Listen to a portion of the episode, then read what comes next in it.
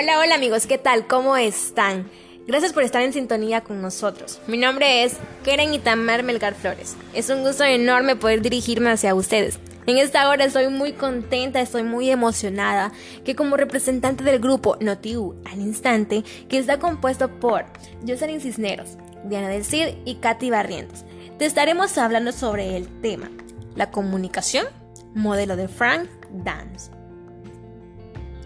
Pero tranquilo, tranquilo. Yo sé que ahí donde estás te has de estar preguntando, pero Keren, ¿qué es la comunicación? ¿Me puedes explicar qué es la comunicación?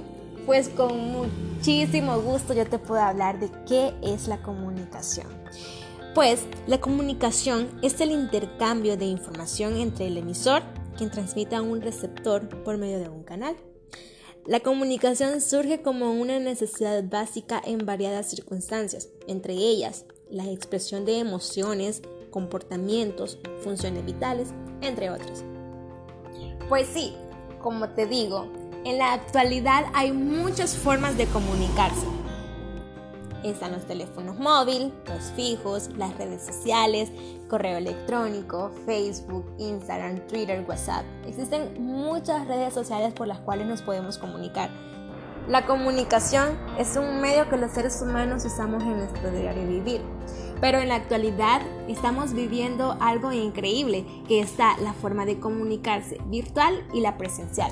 ¿Qué es lo que hemos estado pasando en esta cuarentena? Estamos teniendo una comunicación presencial con nuestras familias, aprendiendo a convivir con ellos, aprendiendo a estar juntos. Y eso tiene muchas, muchas ventajas. Se fortalecen los lazos y la relación en familia.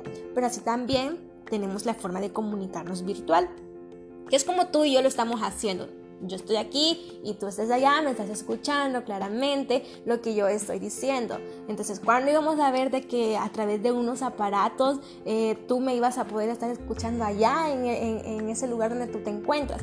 Entonces, pero también cuando hablamos del área virtual, nos referimos a lo que antes te mencionaba, que son las redes sociales. Ejemplo de ello. Cuando tú tienes un familiar en Estados Unidos, ¿qué es lo que haces? Solo le mandas un WhatsApp, tío, abuelo, mira, estoy aquí, necesito algo. El mensaje le cae al instante, siempre y cuando esa persona tenga internet.